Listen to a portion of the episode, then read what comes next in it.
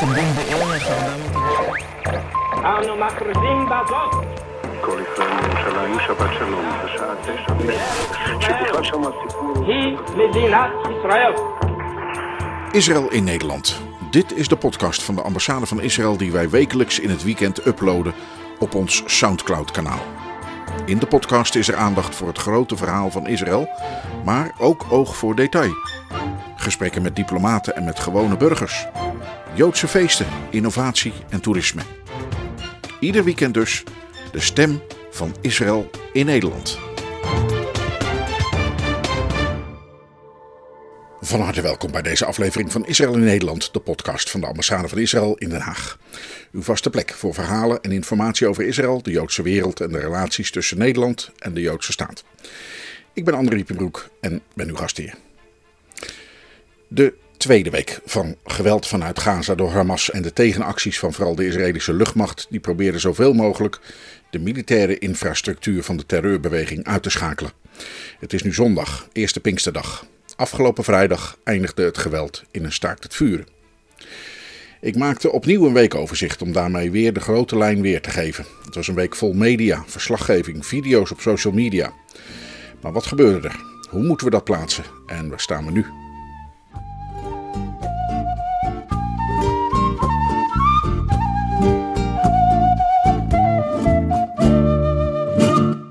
Was de week van Israëlische luchtaanvallen op en beschietingen van doelen in de Gazastrook, waarbij voortdurend burgerslachtoffers vallen.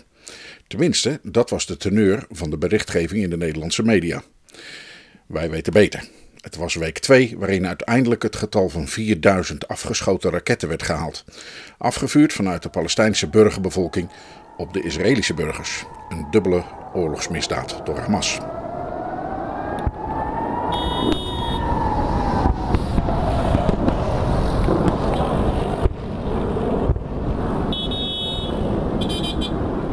Israël moest reageren op die barrages van raketten. Het had geen keus. En het heeft geen keus.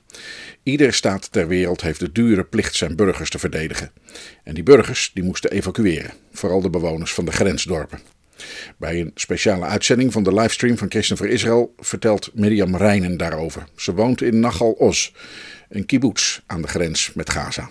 Ik uh, kom inderdaad uit Nagalos, dat is echt uh, 500 meter bij de grens met Gaza vandaan. En uh, toen eigenlijk maandagavond al duidelijk werd dat het, dat het een, zou escaleren, ben ik dinsdagochtend gelijk weggegaan.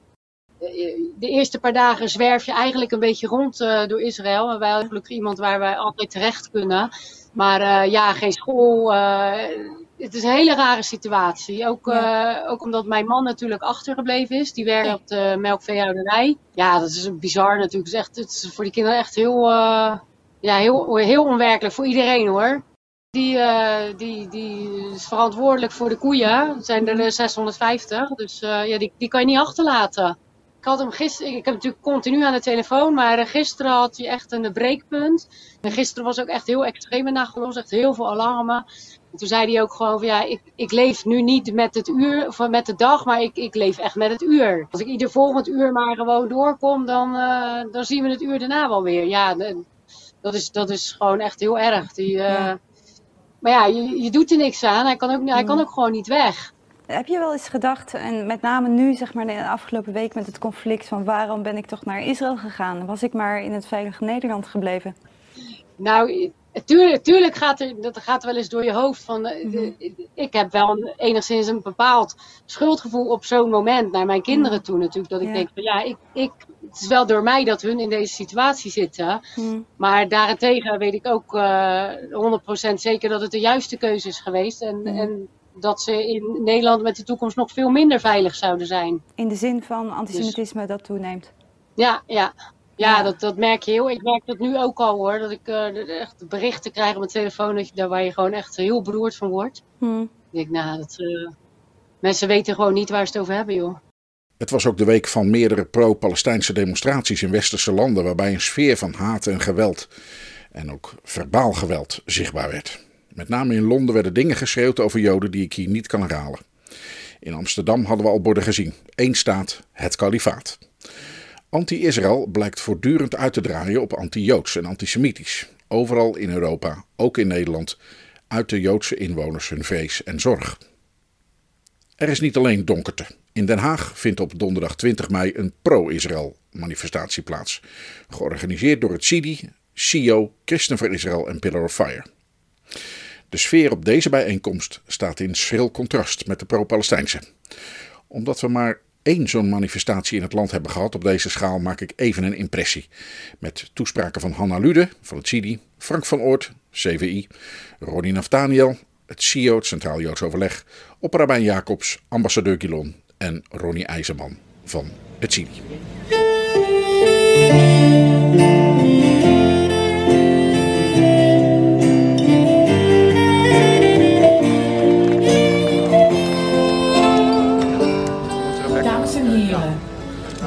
Dank voor uw komst. Kan je even appen? Dank voor uw steun. Die hebben we hard nodig. We maken ons zorgen over de situatie in Israël. En ons hart is met de mensen al daar. Maar we zijn ook zeer bezorgd over wat we hier in Nederland, in Europa, in het Westen zien, horen, ervaren.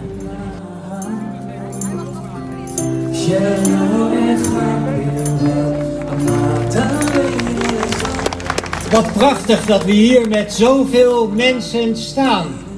We hebben één doel. En dat is dat we laten zien dat we achter Israël staan. Ja, juist! Dit is het moment voor Nederland om het onvoorwaardelijk op te nemen voor Israël. Israël, de enige democratie in het Midden-Oosten. Ze liggen onder vuur. De rakettenregens op, bu- op burgerdoelen zaaien angst. Ondertussen verdedigt Israël zich met precisiebombardementen en probeert de terroristen stevig te raken. Het leger doet er alles aan om burgers te sparen. Dat is niet eenvoudig. Hamas verschuilt zich achter kwetsbare burgers om zelf niet geraakt te worden. Wij staan voor vrede. Wij staan voor Israël. Wij zeggen vrede voor Israël. Tien jaar geleden begon de Syrische burgeroorlog. Om de woorden van SP-Kamerlid Jasper van Dijk te gebruiken, de Pietje Bel van Damascus, president Assad, richtte een bloedbad aan van 400.000 doden, waaronder 22.000 kinderen. Meer dan 4000 Palestijnen lieten het leven, waaronder vele kinderen. Een andere staat in de regio, Qatar, staat bekend om zijn royale financiële steun aan de Hamas-terreurorganisatie. 6500 arbeiders in dat land kwamen om bij de bouw van voetbalstadions. Moderne slavernij. Hoe reageerde de wereld hierop? Vonden er massale demonstraties tegen Syrië plaats? Werd er in Den Haag tijdens een protest Heil Hitler of Rutte kankerjood geroepen? Of scandeerden mensen in de straten van Amsterdam dat het leger van Mohammed terugkomt om in dit geval de Alewieten een kopje kleiner te maken? Waren er 400 Nederlandse academici die om een boycott van Syrië of Qatar vroegen? U kent het antwoord. Nee, integendeel zelfs. In 2022 gaan we gewoon in Qatar een potje voetbal spelen.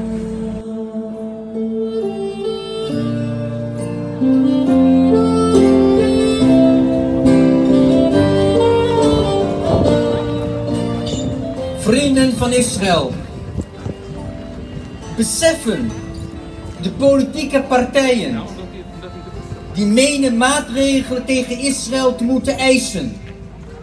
Dat ze hiermee de haat tegen Joden, ook hier in Nederland, aanwakkeren. En weten die politieke partijen dat er helaas moslimleiders zijn hun geloofsbroeders hebben opgeroepen om alle Joden ter wereld, dus ook hier in Nederland, aan te vallen. En waartoe dat elders in de wereld al heeft geleid. Realiseren ze zich dat ze met hun anti-Israël houding het vuur van oorlog aanwakkeren in plaats van doven? En zijn ze op de hoogte van het feit dat honderden Arabische Israëliërs die in Miron bij de catastrofe die zich daar heeft afgespeeld vooraan stonden om hun Joodse Israëlische medeburgers te helpen met water, met voeding, met onderdak en zelfs met hun eigen bloed. En vragen ze zich niet af, daar in die Tweede Kamer, waarom dat nauwelijks in de media wordt vermeld. En beseffen ze dat vrede er niet kan komen zolang in miljoenen schoolboekjes, onder andere met onze belastinggelden, haat tegen Joden wordt gekweekt. Is het ze bekend dat enige dagen geleden in Londen werd opgeroepen, nota bene in de Joodse wijk, voor de deur van een van mijn kinderen, werd opgeroepen om Joodse vrouwen te verkrachten. En dat ik hier in Nederland de meest afschuwelijke verwensingen naar mijn hoofd geslingerd krijg. Als ik gewoon, maar wel zichtbaar als Jood, op straat loop. Oh, say shalom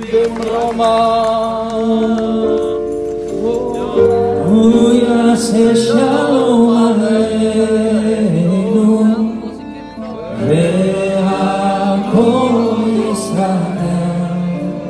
Onze eregast van vandaag net is aangekomen hier. en Dat is de Israëlische ambassadeur Naor Gilon.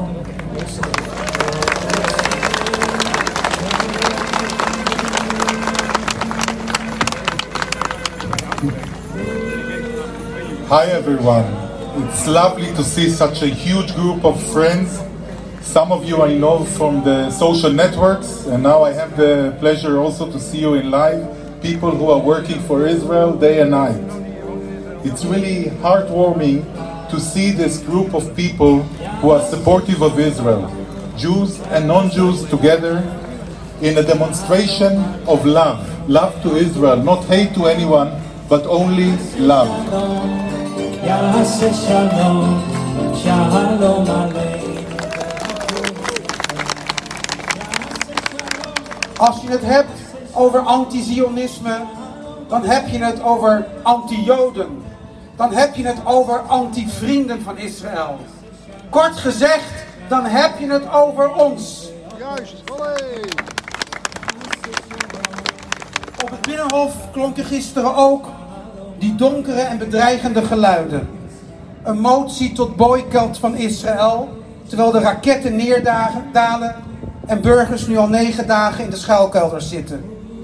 De, een dergelijke oproep is om de vrije en open samenleving van, samenleving van Israël te boycotten, is naargeestig en beschadigend. Je bent dan niet minder dan een vijand van de Joodse staat en het Joodse volk. Anders kan ik het niet stellen. En dan hebben we die andere Einstein van de SP. Die durft in de Kamer Hamas met Pietje Bel te vergelijken. De terroristische organisatie die alleen uit is om Israël te vernietigen en een kalifaat te stichten. Dat vergelijken met Pietje Bel, ben je wel goed bij je hoofd. Hoe slecht en fout ben je dan? Heb je het dan niet begrepen? Wil je populair zijn? wil je woke zijn? Ik zeg tegen hem, Israel lives matter, Jewish lives matter, Zionist lives matter. Knoop dat in uw oren.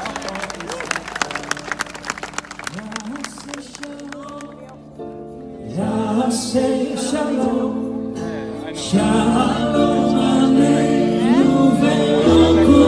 Yisrael. Yaseh shalom, Yaseh shalom, shalom aleinu ve'alkol Yisrael. Yaseh shalom, Yaseh shalom, shalom aleinu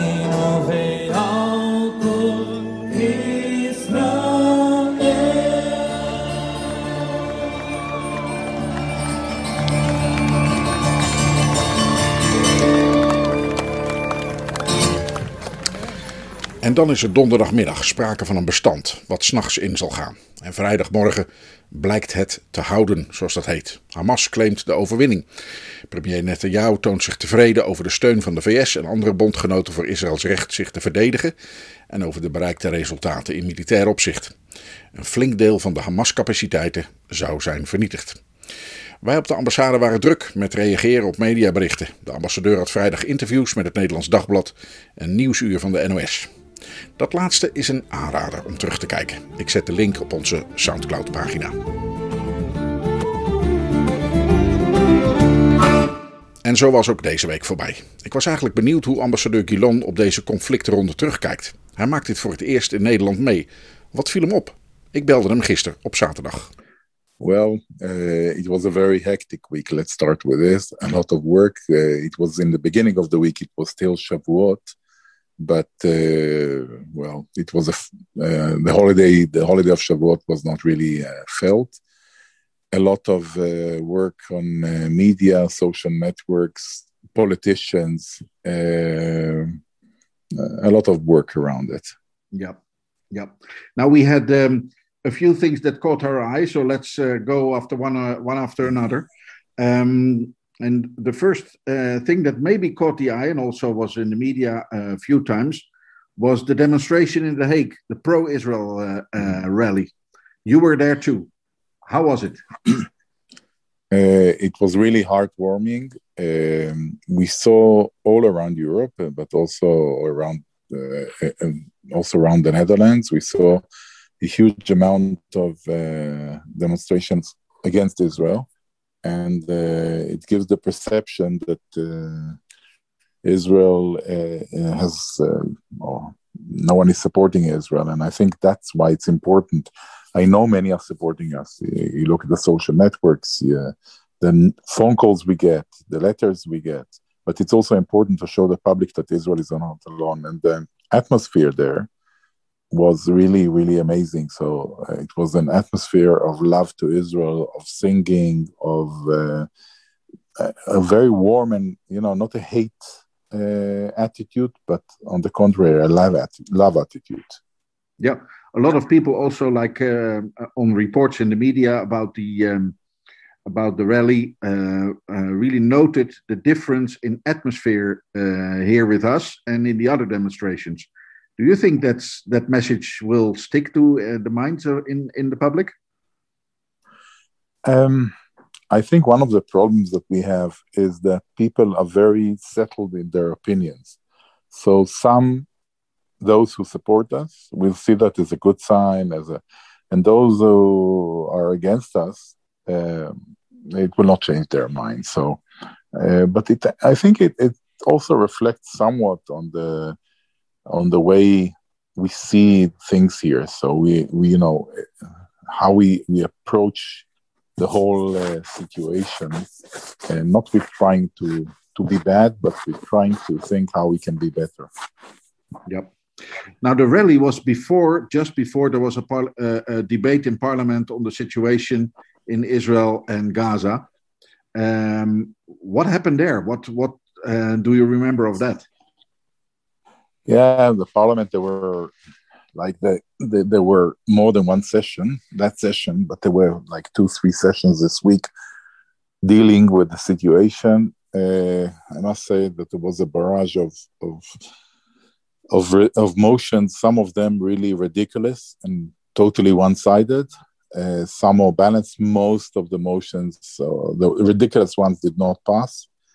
Uh, but you know, it was it was really uh, strange to see that uh, some in parliament are dealing with it out of context, really. So not trying to make the situation better, but trying to uh, to blame one side, and uh, the side is Israel here.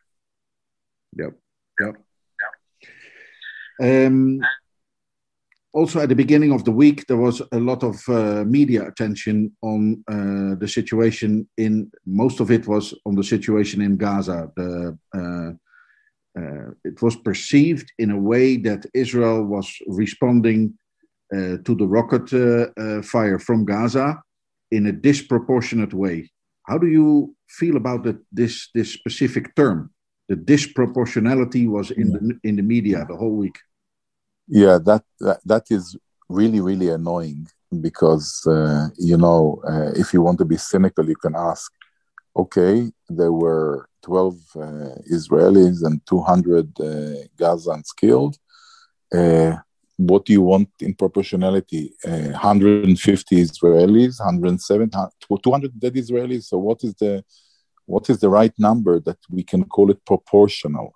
So i have a problem with even start to start with to to compare a terror organization on the one hand, recognized by most of the world as uh, Western world as a terror organization, who is behi- uh, hiding behind uh, civilians, shooting from civilian territory to Israel, aiming at Israeli civilians, uh, and on the other side, you have a, a democratic country with a military who is who is its only purpose is to defend the Israeli civilians, yeah. and uh, the only legitimate targets for us are military uh, targets of Hamas.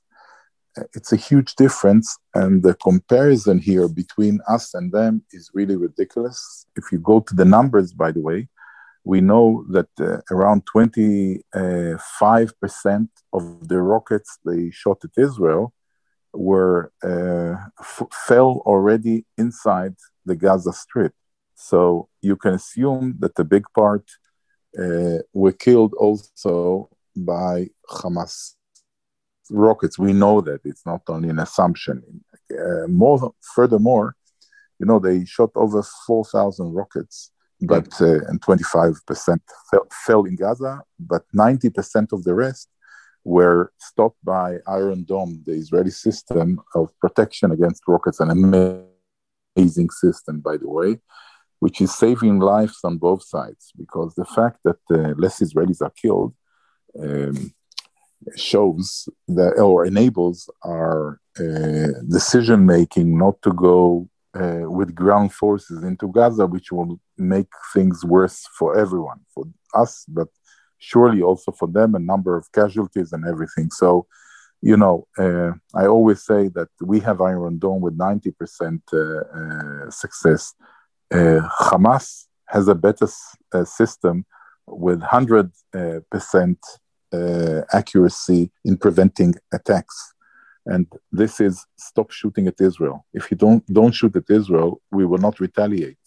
Yeah. So if you don't want us to uh, attack Gaza, uh, don't shoot at us. Yeah, yeah. Is that something that was missing in the media during this week? Of course, of course, it's not. Uh, uh you know, it, it's a problem because uh, pictures are stronger than anything. Yeah. And uh, we, Israel, is also very careful about the pictures we take out. We don't take out graphic uh, pictures. We don't do it for mainly for uh, respecting dead people. Uh, so we don't want to show body parts or whatever of yeah. people who died. It's not, uh, you know, we don't do that. It's not us.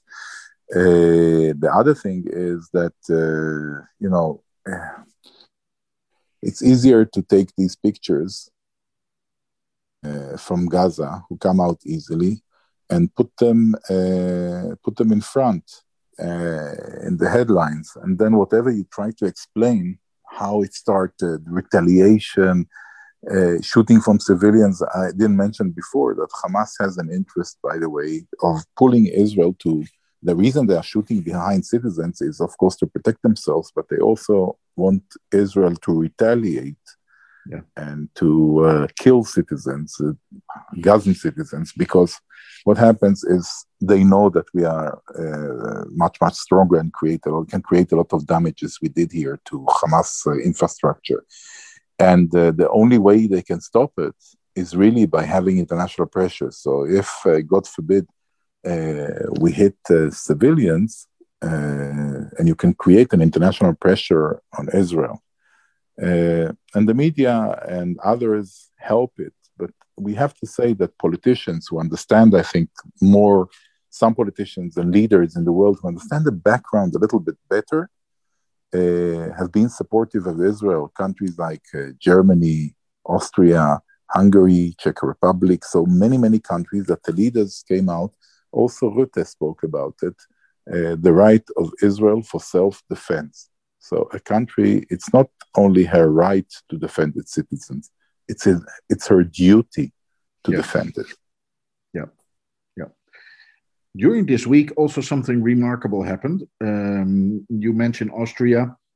The flag of Israel was flying from the Chancellery in the Czech Republic. The flag was uh, of Israel was hoisted. It was the same. It was also done in the Slovak Republic. It was done in various uh, parts of Germany. Also during the week, um, the foreign ministers of Germany, uh, Hungary, the Czech Republic, um, and the Slovak Republic uh, all visited Israel. How important was that for, for Israel to to have these people uh, show support? Yeah, uh, very important. We are, um, from the military point of view, there is no doubt that Israel uh, knows how to defend itself. But I think that it's very important also, also for the feeling of the Israeli people to know that they are not alone in their fight and that uh, we are supported in the world. And that, and it also gives you legitimacy and power so we really, really appreciated these uh, foreign ministers, for example, who decided to go to Israel to show uh, uh, their support to Israel, standing by Israel in its hard times. Uh, you know, when we speak about numbers of rockets and also flags, by the way, wherever they are in the Netherlands, also there, I saw some members of parliament saying that they're putting the Israeli flag in their offices. So we, we also have support here uh, you know, when people are speaking of uh, over 4,000 rockets shot at Israel, Yeah. um, it's a huge number. I, I'm not sure that people understand that. And what happened is that Hamas was shooting them in order to try and overcome uh, Iron Dome, the defense system. They were shooting in barrages in big, big bunches of 50 to 100 on Tel Aviv, on Ashkelon, on smaller cities, on Ashdod. Uh, it's a huge, it's psychologically beyond the dead. You know, I have uh, in Israel uh, a fam- whole family, brothers, father who's 86, my, two of my sons, uh, four grandchildren, and all of them have to run to the shelter. Uh, If you are lucky and you live in Tel Aviv, you have a minute of uh, almost a minute of alert, 45 seconds. If you are living next to Gaza, you will have 10, 15 seconds. So, it, you know, and, and living, waking in the middle of the night from a siren uh, and running to shelter is not great fun. Uh, luckily, and that's one of the reasons that the casualties are relatively uh, low in Israel beyond Iron Dome, the civil population is very prepared. So from the 80s, every new house built has to have a safe room, like a shelter inside, uh, that you can go in and close the door. And hopefully, if there is no direct hit, probably you would survive. So you know, it's also the preparedness is part of it, but it's a it's a trauma for people. It's not something that is easily, you know, easily done. done. No, no, no. You also had uh, a couple of interviews. One was this uh, uh. Um, there you compared uh, what happened to Israel with London. How how how did that go? No, it's it's just that I, uh, you know, when I saw these uh, four four thousand four hundred rockets shot at Israel, I remembered the V twos that were shot uh, from here, not far away, at uh, at London, and I saw that the numbers there. I think that the V twos were around fifteen hundred uh, rockets that were shot at London, and again they were heavier, and there was also air raids. But in general, this was a trauma. I know because my mother, who grew up in London was taken uh, to Scotland with many, many other kids. So during the war, they passed, they part, part of their uh, lives were moved uh, without their parents to Scotland. So, uh, yeah, uh, you think of it. We 4,400 rockets or something like that shot at Israel in 10 days. Amazing, amazing number. Yep, yep. Now, um, as as far as I can see from the from the pictures in the various newspapers uh, these days, is that uh, Hamas is celebrating it as a victory. Can you understand how they mm, their way of thinking? Yeah, well, it's one of the things that bothered us. Uh, to start with, how can anyone celebrate uh, victory in war? I mean, okay, in a war, the war first of all, people only suffer secondly, if you conquer a territory or something, what, what is your victory in frightening the other side, in killing people in the other side? So the whole approach of, of victory is for me very strange. But also, what was strange for me to start with, uh, and I think this also explains what Hamas are doing, is the reason for the whole mess. So the whole mess uh, started really people tend to speak about what happened in Jerusalem and didn't happen in Jerusalem, but the mess really started from the moment the Palestinian Authority decided to cancel the elections. There were planned elections after 15 years uh, that the, the Palestinian Authority did not have elections. And uh, Hamas uh, were in a very good position because its component, uh, Fatah movement, uh, the leaders of the Palestinian Authority, were split into at least three camps, if not more. So Hamas was up to winning, maybe. Eventually, the uh, the Palestinian Authority decided to cancel the elections, and Hamas felt they had a momentum. Yeah. Uh, in the in the public street, uh, public among the public uh, or the the Arab street, as we call it, among the public, they had support, and they wanted to to uh, profit on this uh, on this support. and we're speaking Judea and Samaria, yeah. not in Gaza so far away from them, you know, uh, kil- 100 kilometers, 100 kilometers from them. And uh, what they did is that they started to incite, and they incited in three directions. Uh, in, in, different uh, timings, but in general, of course, everyone knows that they shot at Israel, but they also tried to incite inside Israel uh, Muslims who live inside Israel and in the Palestinian Authority in Jerusalem. We saw the riots and everything it was also Ramadan, where for the Muslims, end of Ramadan, where the uh, emotions, religious emotions, are a little bit uh, more higher and uh, more sensitive.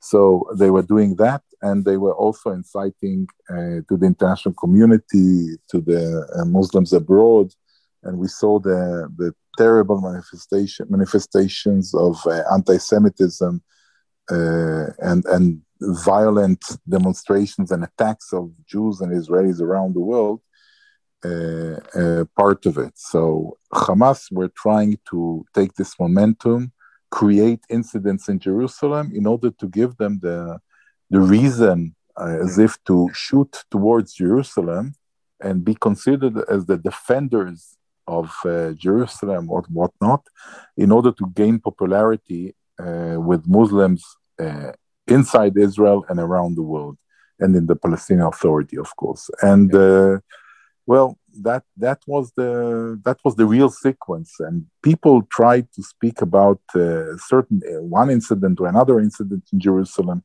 If Israel did anything really uh, to try and prevent this violence from coming, it was limiting uh, only Jews, not not Muslims. So the um, what happened there is that uh, even during the riots, because it was still Ramadan, we were letting 100,000 or so uh, prayers a day come to Jerusalem. And in order to prevent problems, for example, we prevented Jews from going to Temple Mount uh, on the Jerusalem day. We prevented uh, the traditional flag march in Jerusalem in order not to have tensions. Uh, so things were done on the Israeli side, but the decision of Hamas was uh, anyhow to to go and shoot, and so we had to react in order to protect ourselves. Yep, yep. Is there any way already now to measure if they were successful in taking over the sympathy uh, amongst the Palestinians, also like in in Judea and Samaria? Uh, I, I think it's a little bit early. Yeah. Uh, it's early to judge whether they were successful in that. Uh, uh, we'll see. We'll see with time. Yeah, yeah, yeah. Um, now uh, uh, there is a ceasefire. Um, uh, of course, there is there is no way to that Israel will uh, uh, talk to Hamas directly. What what can how how how do you um, work in create in in creating rest and uh, non-violence? Let's put it that way. I mean peace is an, a, completely different uh, uh, you know word in uh, and not dealing with this but how do you make a deal or deal with uh, an organization that you you don't speak to? How how how to proceed? Yeah yeah, it's important, I think, for our listeners to understand that uh, what, what Hamas is. Hamas is a terror organization best, based on uh, Muslim Brotherhood and Islamic uh, values. If you read their charter, you see that they do not accept the existence of any Jewish state. So they don't see the Jews as landlords in any way, in any way, and, and they are calling to kill Jews wherever they are. So it's a really deadly uh, organization which took really Gaza hostage by power. So they took over from the Palestinian Authority and killed uh, people of the Palestinian Authority. And since then, it was like uh, 15 years ago. So, and since then, they are uh, controlling uh, Gaza uh, by force. Israel is not there. So Israel uh, evacuated its unilateral withdrawal from Gaza. We evacuated over 10,000 uh, people who live there, Jews who live there, more than 20 uh, settlements, and we are not there. So we, we don't want to be there. We are not there, and still they are harassing us. And uh, there is no way to speak to these people because they are fanatics, and uh, it would not help. So we are we are we have people who help, like also now to to reach some uh, some quiet, uh, back the ceasefire and some quiet. And there were people running between. The Egyptians were very helpful, and the Americans were there. And so so some some people were were there on daily basis. We uh, let uh, humanitarian uh, supply go in. Uh, we even give them. We supply them from with electricity, electricity and other stuff. You know, during during the towards the end of the violence, like two days to before the end, uh, the, the, the ceasefire uh, day before, two days before, we sent in, uh, we said, okay, we'll open the crossings and let the merchandise, humanitarian merchandise come in. And the crossings were attacked when they knew that the merchandise is coming in for them. So they are very, very cold and calculated uh, and couldn't care less about the people of Gaza. Really, that's one of the problems. I think sometimes that uh, it's it's not perceived this way, but Israel has more mercy towards the people of Gaza than uh, Hamas, and this this is a pity because if you don't pity your you know you don't uh, it, it brings into mind Golda Meir's saying that we will have peace with the Arabs when uh, they will uh, love their own kids as much as we love our own. Yeah. So you know, uh, you don't want to you don't want to kill people. You don't want people to suffer. But you, on the other hand, you cannot have them shoot at you, and this is a problem. So we will continue with the with the helping. Uh, um, and I don't know what we do with the stuff like cement, for example. Yeah. Because we had promises of the world that cement will be supervised, that it will go not for military infrastructure, and and what did we find? We found more than uh, we bombed more than 100 kilometers, 100 kilometers of tunnels, all full of course built with cement. So all for military uh, targets, under houses, under hospitals, under schools, uh, under mosques. It's really amazing that they were using every any a lot of the material that was put in for humanitarian reasons for civilian buildings were used for tunnels and military infrastructure, and it, it's a problem. And no one in the world is able to monitor it. So this is also not going to be the end. No, I, I, I no, I, I don't think so because there is no uh, political outlet of this. Uh, as long as uh, Hamas is in the hands of uh, Gaza is in the hands of Hamas, and Hamas doesn't change, I don't see a political way out. And we see these bursts of violence that Hamas are shooting at Israel because they have some kind of or another reason that they want to achieve. It happens every few years by the way, uh, the world is not speaking of the fact that from the last round uh, that we had a few years ago, we still have uh, bodies of two soldiers kept there as for, as a negotiation tool. So they don't bring back the bodies because they want to uh, get something in return, a lot in return, not something in return and it's really amazing. And there were also there there is also a, a, an Israeli guy with uh, mental problems who crossed Avera, um, Avera Mengistu, who co- crossed the border there many years ago, and uh, is held hostage. And the guy has, you know, the guy has mental, uh, obviously mental problems, but. Uh, yeah, Hamas are holding them. I don't know. They didn't hear probably also of Geneva Convention or anything of of taking care of of human beings of if even if you want to call the two soldiers prisoners although they're dead something you know give information to the family uh, give the bodies back of course. So nothing nothing nothing. Real cruelty. Yeah yeah um, did anything uh, change for jewish communities and friends of israel in for example, Europe or in the Western world during this round? I think it was really, really bad when it comes to anti-Semitism. I, I don't know what, what is the difference. Probably the social net, social media, social networks make it uh, worse because they incite people, and you saw violence, really hard violence. Uh, you saw demonstrations uh, with chanting, uh, that are unacceptable, you know, anti-Semitic or about the destruction of Israel.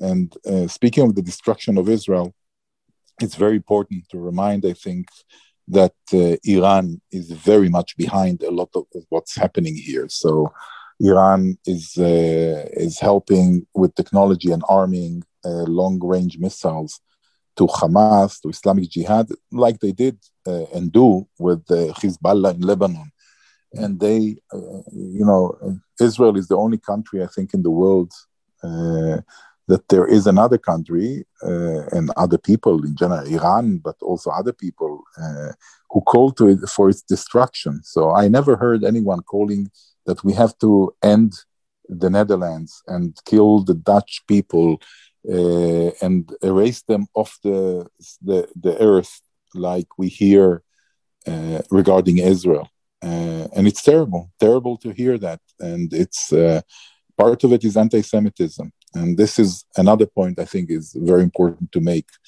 Um, there is a new kind of anti-Semitism, which is anti-Zionism. It's not me that is saying it only. It's ira international organization that was formed by uh, by many countries, uh, defined the new kind of anti-Semitism. So it's more so-called politically correct to be against Israel. And it's very hard to criticize these people because they say, ah, everyone who criticizes Israel now becomes anti Semitic. No. Yeah. But many people who criticize Israel in a way of negating its right to exist are anti-Semites, and we have to understand that that criticizing Israel is, is legitimate. I also have criticism towards my country, like Dutch people probably or British people have towards their own country as policies on certain things. On, you know, we all have our opinions, and we, we that's why we can vote every few years and uh, decide who will represent our opinions etc., etc. But here, it's not legitimate opinions and criticism of Israel. This is really negating the right of Israel to exist, and violence comes from it afterwards, and chants that are unacceptable, and fear for Jews wherever they are, and uh, and also friends of Israel are very uncomfortable. People were attacked, non only not only Jews, uh, for being uh, perceived as pro-Israel, supportive of Israel, having a flag of Israel. So uh, this is uh, really totally unacceptable, and governments have to fight it. Yep, yep.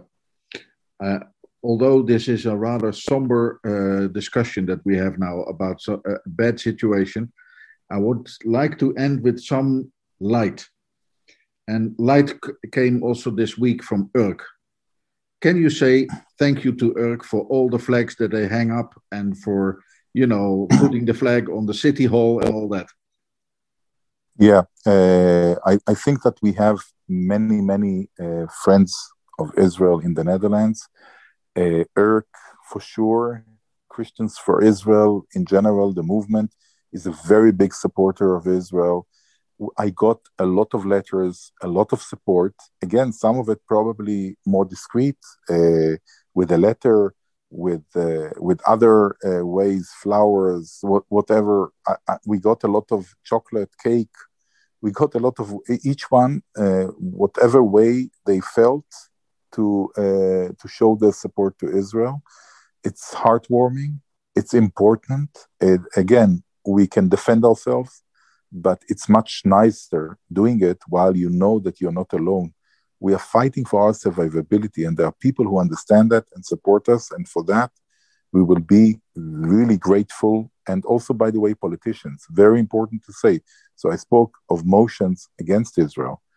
Uh, most of them fell, fell because there are many politicians uh, who believe that uh, Israel should be supported on this. So we have a lot of support. I would love to have more in the Netherlands for sure, but uh, we also we, we get a lot of love and support. En dit zei ambassadeur Naor Gilon na een week waarin hij een heleboel andere interviews gaf en de toestand rond Gaza de agenda domineerde. Een beetje licht uit Urk en andere plaatsen in Nederland en Europa. Israël staat niet alleen. Wij zijn hiermee gekomen aan het einde van deze podcastaflevering van Israël in Nederland.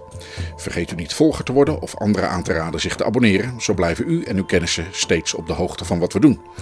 Dat kan via Spotify, Overcast, Apple Podcast, Stitcher of gewoon via ons Soundcloud-account. Soundcloud.com slash Israël in Nederland. Voor wat ons betreft, dank voor het luisteren en graag tot binnenkort.